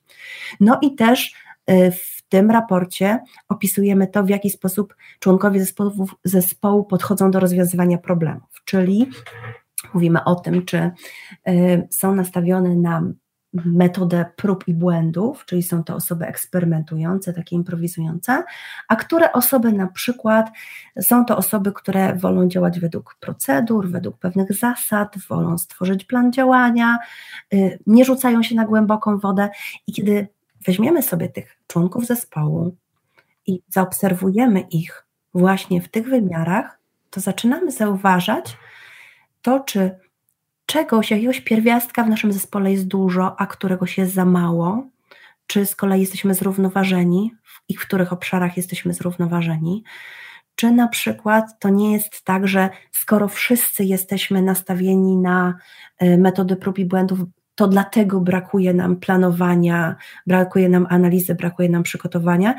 Ten raport daje bardzo konkretne odpowiedzi i takie właściwie, których nie musimy mocno interpretować. Możemy mhm. po prostu je przeczytać. No i oczywiście pomaga w tym trener, dlatego że to trener pracuje z zespołem, wprowadza te informacje, wykonuje pewne ćwiczenia. Ta mapa zespołu, o której mówisz, e, to nawet bywa Y, Freeze mapa jakoś tak bardzo mi leży, nie wiem. Freeze mapa, podoba Ci się. Dobrze, tak jak używacie bardzo fajnie tego sformułowania ja Cię sfrisuję, e, to, to teraz freeze mapa jest drugim takim słowem, które gdzieś tam... Tak, to ciekawe, że nasze słowo już jest odmieniane przez wszystkie przypadki, tak. E, deklinacje, koniugacje i tak dalej. To jest bardzo fajne, też, też to lubimy i powiedziałabym nawet, że to promujemy.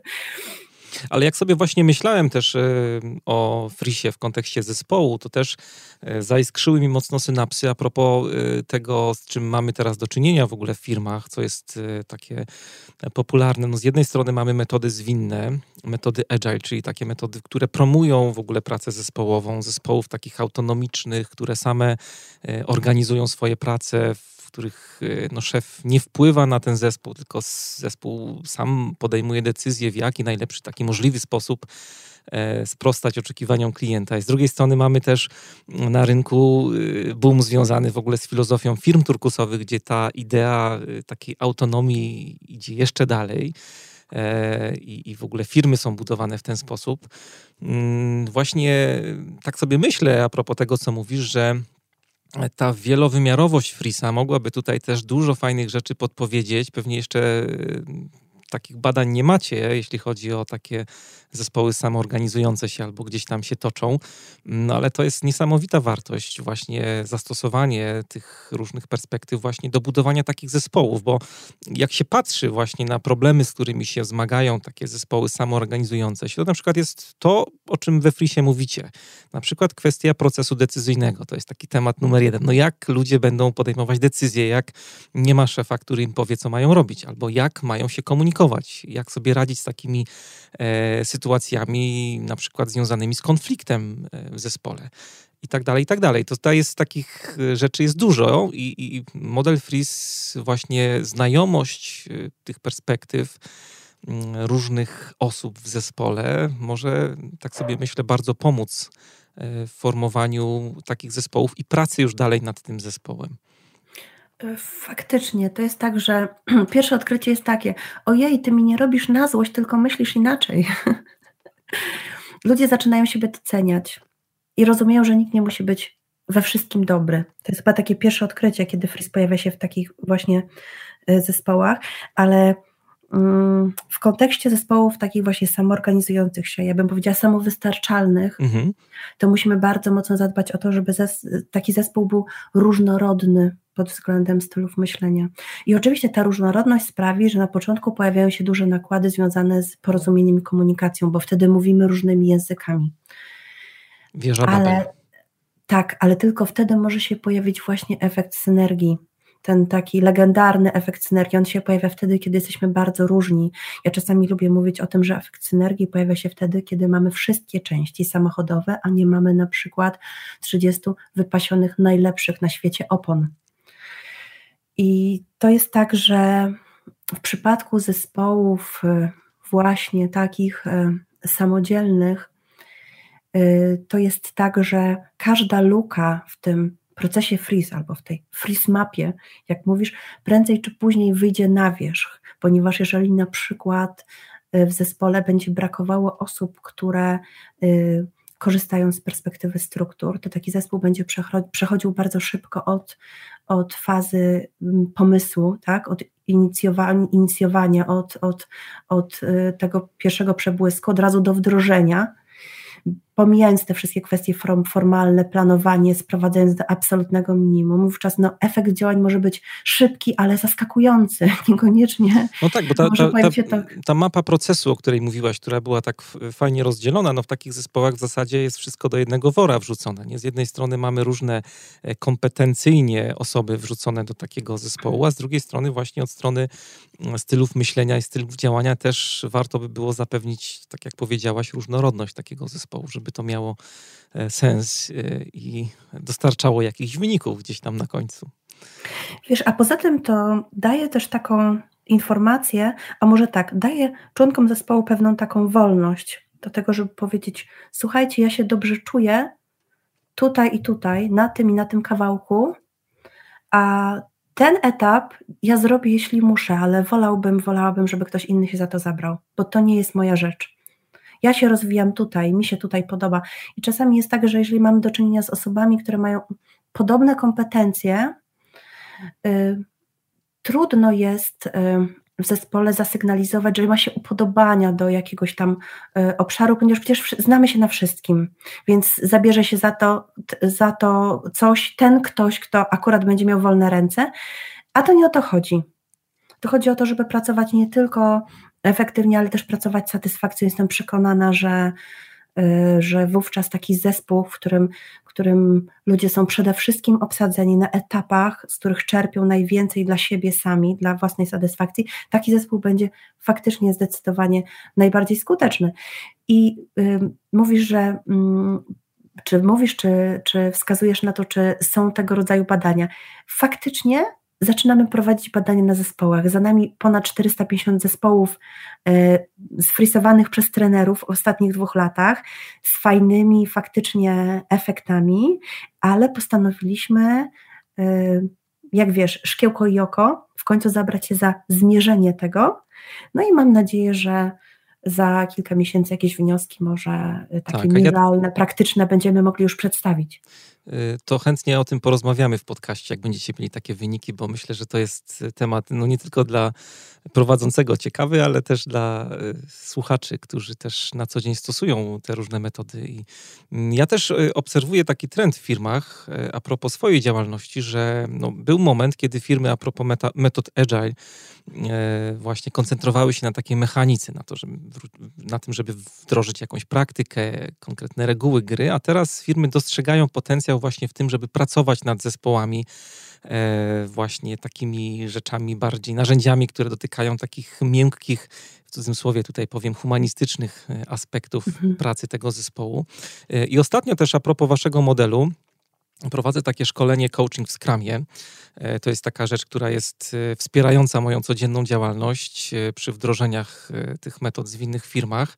Mm, I jedno, jeden z dni tego szkolenia dotyczy mm, przechodzenia przez różne dysfunkcje pracy zespołowej, i też ostatnio miałem taką właśnie odsłonę, gdzie poleciłem wasz model jako pracę nad taką dysfunkcją, która jest pierwszą w tym modelu Lencioniego. Dysfunkcja, która polega na tym, że ludzie nie są otwarci w zespole, czyli nie potrafią w sposób jasny, taki asertywny się komunikować, tylko jak jest problem, to właśnie tak jak ja, szukają bardziej kompromisu, nie potrafią e, otwarcie o tym mówić.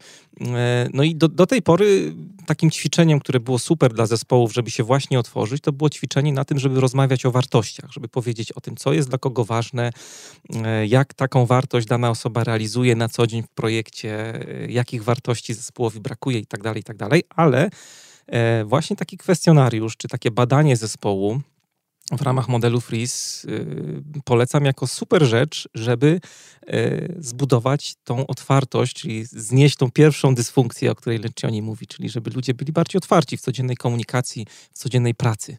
Żeby nie zamiatać problemów pod dywan, tylko żeby otwarcie y, o nich mówić. No i, i właśnie taka Freeze mapa zespołu super w tym może pomóc. Słucham z przyjemnością.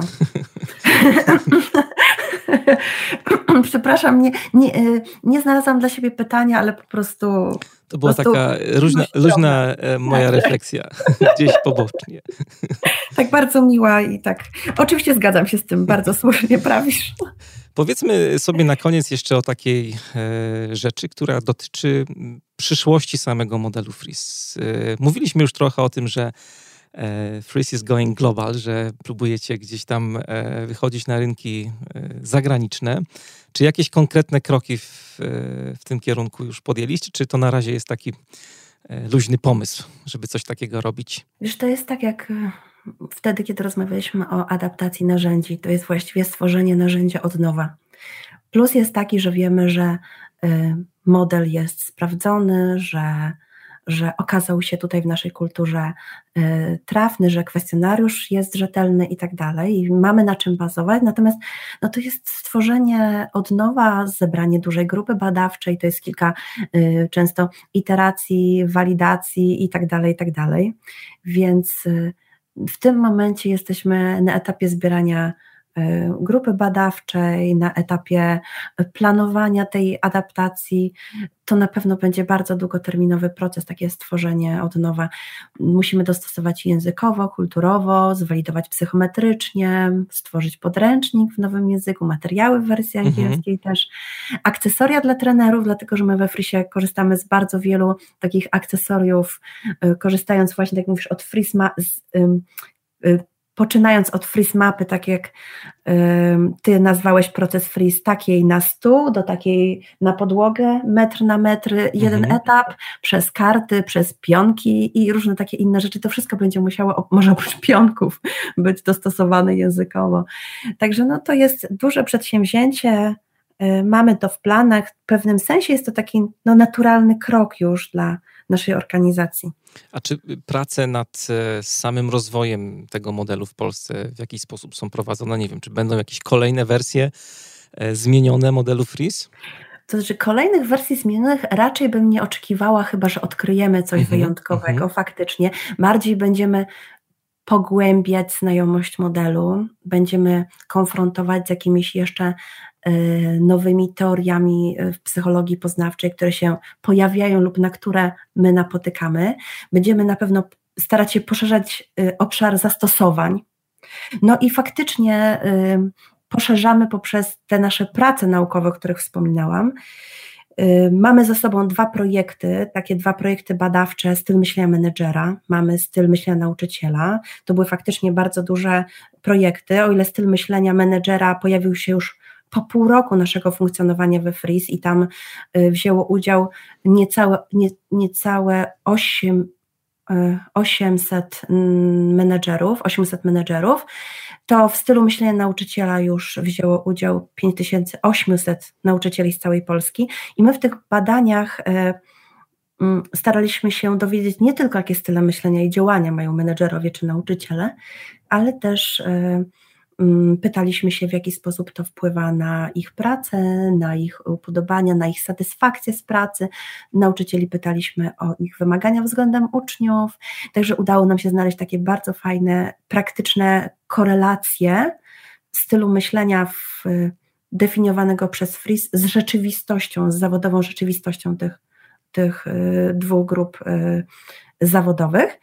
No i prowadzimy też teraz od września poprzedniego roku projekt Freeze Eye. No i to jest projekt, który pozwala mi wrócić trochę do mojej informatyki. A to jest dlatego... I jako I czy jako oko? I jako, I jako oko. A, oko. I jako oko, Freeze I jako oko. E, w podziemiach naszego Wydziału Informatyki Byłej Politechniki Szczecińskiej mamy laboratorium i w e, tym laboratorium właśnie badamy osoby tymi testami zadaniowymi, o których wspominałam, e, pod kontrolą eye trackera, czyli urządzenia do badania ruchu gałek ocznych, pod kontrolą EEG, czyli osoby badane mają podłączony taki czepeczek z elektrodami do głowy.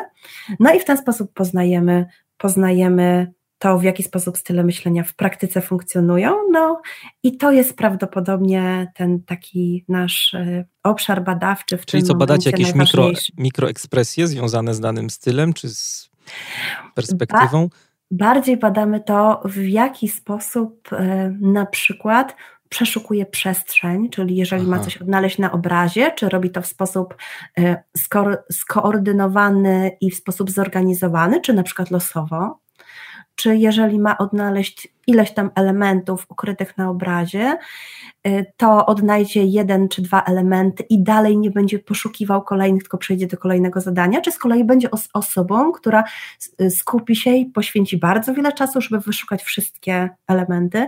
Mamy za sobą kilka już takich eksperymentów. Najdłuższy z nich, yy, najdłuższy z nich zawierał aż 83 zadania badawcze i faktycznie uzyskaliśmy fajne, ciekawe wyniki. Trzy, e, trzy artykuły już za nami, zaakceptowane, bo to były artykuły recenzowane naukowo i prawdopodobnie już niedługo kolejne wyniki się pojawią. Więc sądzę, że raczej w tą stronę na razie będziemy iść uwiarygodnienia też metodologii e, w sposób absolutnie naukowy, mierzalny, konkretny, techniczny, żeby pokazać, że styl myślenia to nie jest coś, co nam się wydawało, że istnieje. To nie jest coś, co jest po prostu trafne fasadowo, czyli, czyli, czyli horoskopowo, tylko że to są faktycznie sposoby naszego ludzkiego funkcjonowania, no i mamy tutaj na papierze fakty i liczby. Tych informacji jest sporo i tych różnych artykułów, o których wspominasz, e, ale tak jestem przekonany, że wielu słuchaczy e, pierwszy raz słyszy w ogóle o tym modelu, o modelu Freeze. Czy mogłabyś powiedzieć, od czego powinni zacząć właśnie korzystanie z modelu Freeze? Gdzie szukać informacji? Jakie rzeczy są absolutnymi must-have'ami, jeśli chodzi o e, poznanie w ogóle modelu Freeze? Co byś podpowiedziała? Jeżeli ktoś chciałby dowiedzieć się czegoś więcej, to mm, faktycznie chyba najbardziej miękkim i przyjemnym startem byłaby wizyta na naszym blogu, na którym Małgosia Podolecka w taki lekki, interesujący sposób odsłania te podstawy naszego modelu i pokazuje, jak, jak on się ma do rzeczywistości, czyli gdzie dookoła siebie i w nas samych możemy, możemy znaleźć te perspektywy poznawczej, co to, co to nam daje, y, z czego to wynika. Jeśli ktoś faktycznie poczuje się zaciekawiony, zainteresowany w frisem, to najlepiej jest skontaktować się z jednym z wybranych y, z naszych, wybranym z naszych trenerów. Nasi trenerzy są y, dostępni na naszej stronie internetowej freeze.pl y, łamane przez trenerzy. Tam można znaleźć kogoś, kto mieszka niedaleko, albo kto chce, może pracować przez Skype ewentualnie i umówić się z trenerem na zrobienie badania, zrobienie sesji. To jest bardzo ważne, ponieważ badanie FRIS nie jest taką y, usługą osobną, indywidualną, że po prostu można gdzieś coś opłacić, dostać link do badania, dostać swój raport i to wszystko. My bardzo mocno rekomendujemy pracę z osobą, która pozwoli jak najbardziej efektywnie skorzystać z tych informacji, żeby to nie było coś, co po prostu pojawi się, e, zaciekawi człowieka na jeden wieczór i zniknie, tylko żeby faktycznie wyciągnął z tego korzyści. I do tego są bardzo dobrze przygotowani nasi trenerzy. To są specjaliści z różnych obszarów pracy z ludźmi. To są trenerzy biznesu, to są trenerzy, trenerzy organizacji, to są konsultanci, doradcy zawodowi, coache, więc każdy może znaleźć taką osobę z taką specjalizacją, czy z takim obszarem pracy, który będzie dla niego najbardziej właściwy.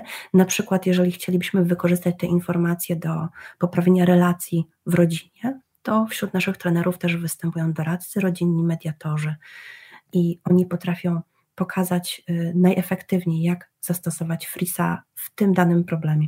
Bo samego kwestionariusza tak y, z marszu nie można sobie wykupić, czy, czy jest taka nie, możliwość? Nie, w naszym modelu y, w modelu pracy czy w modelu biznesowym przyjęliśmy to, że narzędzie to jest tylko narzędzie, a diagnozuje diagnosta, a nie narzędzie diagnozuje. To znaczy, że osoba, która ma, ma pewien cel, aby poznać swój styl myślenia, albo ma pewien problem, który chce rozwiązać dzięki zwiększeniu wiedzy na swój temat, y, powinna ten problem czy ten cel osiągać z osobą, która pozwoli zmaksymalizować efekt. Więc y, zazwyczaj tak jest, że y, raport, który uzyskujemy z badania, jest tylko dodatkiem do spotkania i rozmowy z trenerem, która zazwyczaj objaśnia wszystko, a raport jest takim dokumentem, do którego potem można zerknąć, doczytać, upewnić się albo sobie coś przypomnieć. Tak, ja tutaj całkowicie to potwierdzam. W żaden sposób się też za nią nie umawiałem, że to powiem, ale naprawdę sam raport niewiele daje. Gdybyście dostali taki wynik bez tego spotkania z trenerem, no to to by było bardzo mało miarodajne, bo na takim spotkaniu, tak jak mówiłem wcześniej, oprócz tego, że jest analiza tego wyniku, to nie jest tak, że od razu się zaczyna od analizy. Do tej analizy się dochodzi, ale najpierw trener, właśnie Gosia, przebadała, czy to wszystko, co tam wypisałem w tym raporcie, w jakiś sposób jest spójne e, z tym, co mówię i, z moją osobą. Później była też e, bardzo wartościowa część poświęcona mm, analizie samego modelu, konkretnych zachowań. Patrzyliśmy właśnie, jak poszczególne style myślenia E, sobie radzą w sytuacjach takich konfliktowych, e, podejścia do decyzji, właśnie stanu flow. To, trochę żeśmy dotykali dzisiaj w takim wąskim zakresie, ale na takim spotkaniu jest to dużo bardziej e, rozszerzone. Mnie też bardzo urzekła taka ściąga, którą dostałem już w ramach tego raportu później E, pokazywałem żonie i rodzinie całej, jak mają ze mną. obsługi. No to jest w ogóle świetne. No przecież ja w rodzinnych e, właśnie różnych sytuacjach, są obiady rodzinne na przykład, e, no dostaję białej gorączki, jak coś próbuję powiedzieć, a nikt mnie nie słucha i wszyscy mówią przebij się, przebij się.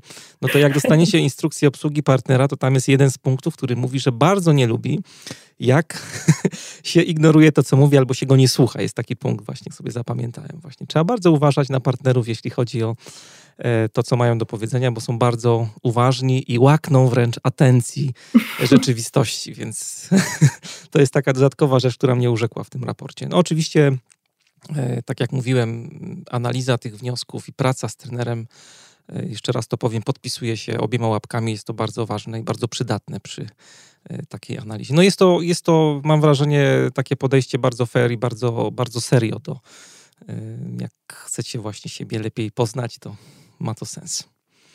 A ja jestem bardzo ciekawa, czy udało Ci się zidentyfikować jakieś style myślenia w Twoim otoczeniu czy w Twojej rodzinie? Y, tak, aczkolwiek y, niektórzy członkowie rodziny zabronili mi to robić. Y, także, także teraz staram się to robić w swojej, w swojej głowie. Aha, ale jakieś przypuszczenia masz? No oczywiście. No dobrze, to wszystkie te materiały, o których e, mówiliśmy i myślę, że jeszcze więcej, podlinkujemy w materiałach do e, dzisiejszej audycji. We wpisie znajdziecie wszystkie linki. E, blog jest na stronie freeze.pl. Tam jest właśnie strefa Freeze, gdzie też możecie znaleźć informacje na temat projektów, o których e, Ania wspominała, projektów badawczych. Jest opisany projekt właśnie styl myślenia nauczyciela, styl myślenia menedżera. E, możecie dojść też do opisu tego podejścia, o którym żeśmy rozmawiali od strony naukowej No i sam kontakt właśnie z trenerami, strona. A oprócz tego, tak jak mówiłem, wrzucimy na pewno e, coś dla wszystkich łowców wiedzy, dla wszystkich badaczy, którzy będą sobie mogli dodatkowo jeszcze e, na temat samego modelu poczytać, pooglądać, posłuchać opinii innych osób, bo też nie mówiliśmy, ale na przykład e, Grom jest zainteresowany też tym waszym modelem. Marek Kamiński przed wyprawą też korzystał z modelu Freeze i przyznał się, że jest ultrawizjonerem, co mnie nie dziwi. E, z Markiem miałem okazję rozmawiać w podcaście e, i, i, jakby pokrywa się analiza jego stylu myślenia z tym, co widziałem, jak był u mnie w studiu, więc jest naprawdę ultrawizjonerem. Inaczej by nie osiągnął tego, co e, osiągnął prawdopodobnie. Pewnie tak. To jest podcast Manager Plus. Dzisiaj moim i waszym gościem była autorka modelu Freeze, Ania Samborska-Owczarek. Aniu, wielkie dzięki za dzisiejszą rozmowę i cierpliwość na e, wszystkie moje dryfowania, bo zazwyczaj tego nie robię, ale jakoś temat mnie bardzo wciągnął i dużo miałem takich osobistych refleksji e, związanych z tym, o czym żeśmy rozmawiali. Wielkie dzięki za głos. Dziękuję bardzo. To była dobra rozmowa. Trzymajcie się i do usłyszenia niebawem. Thank you.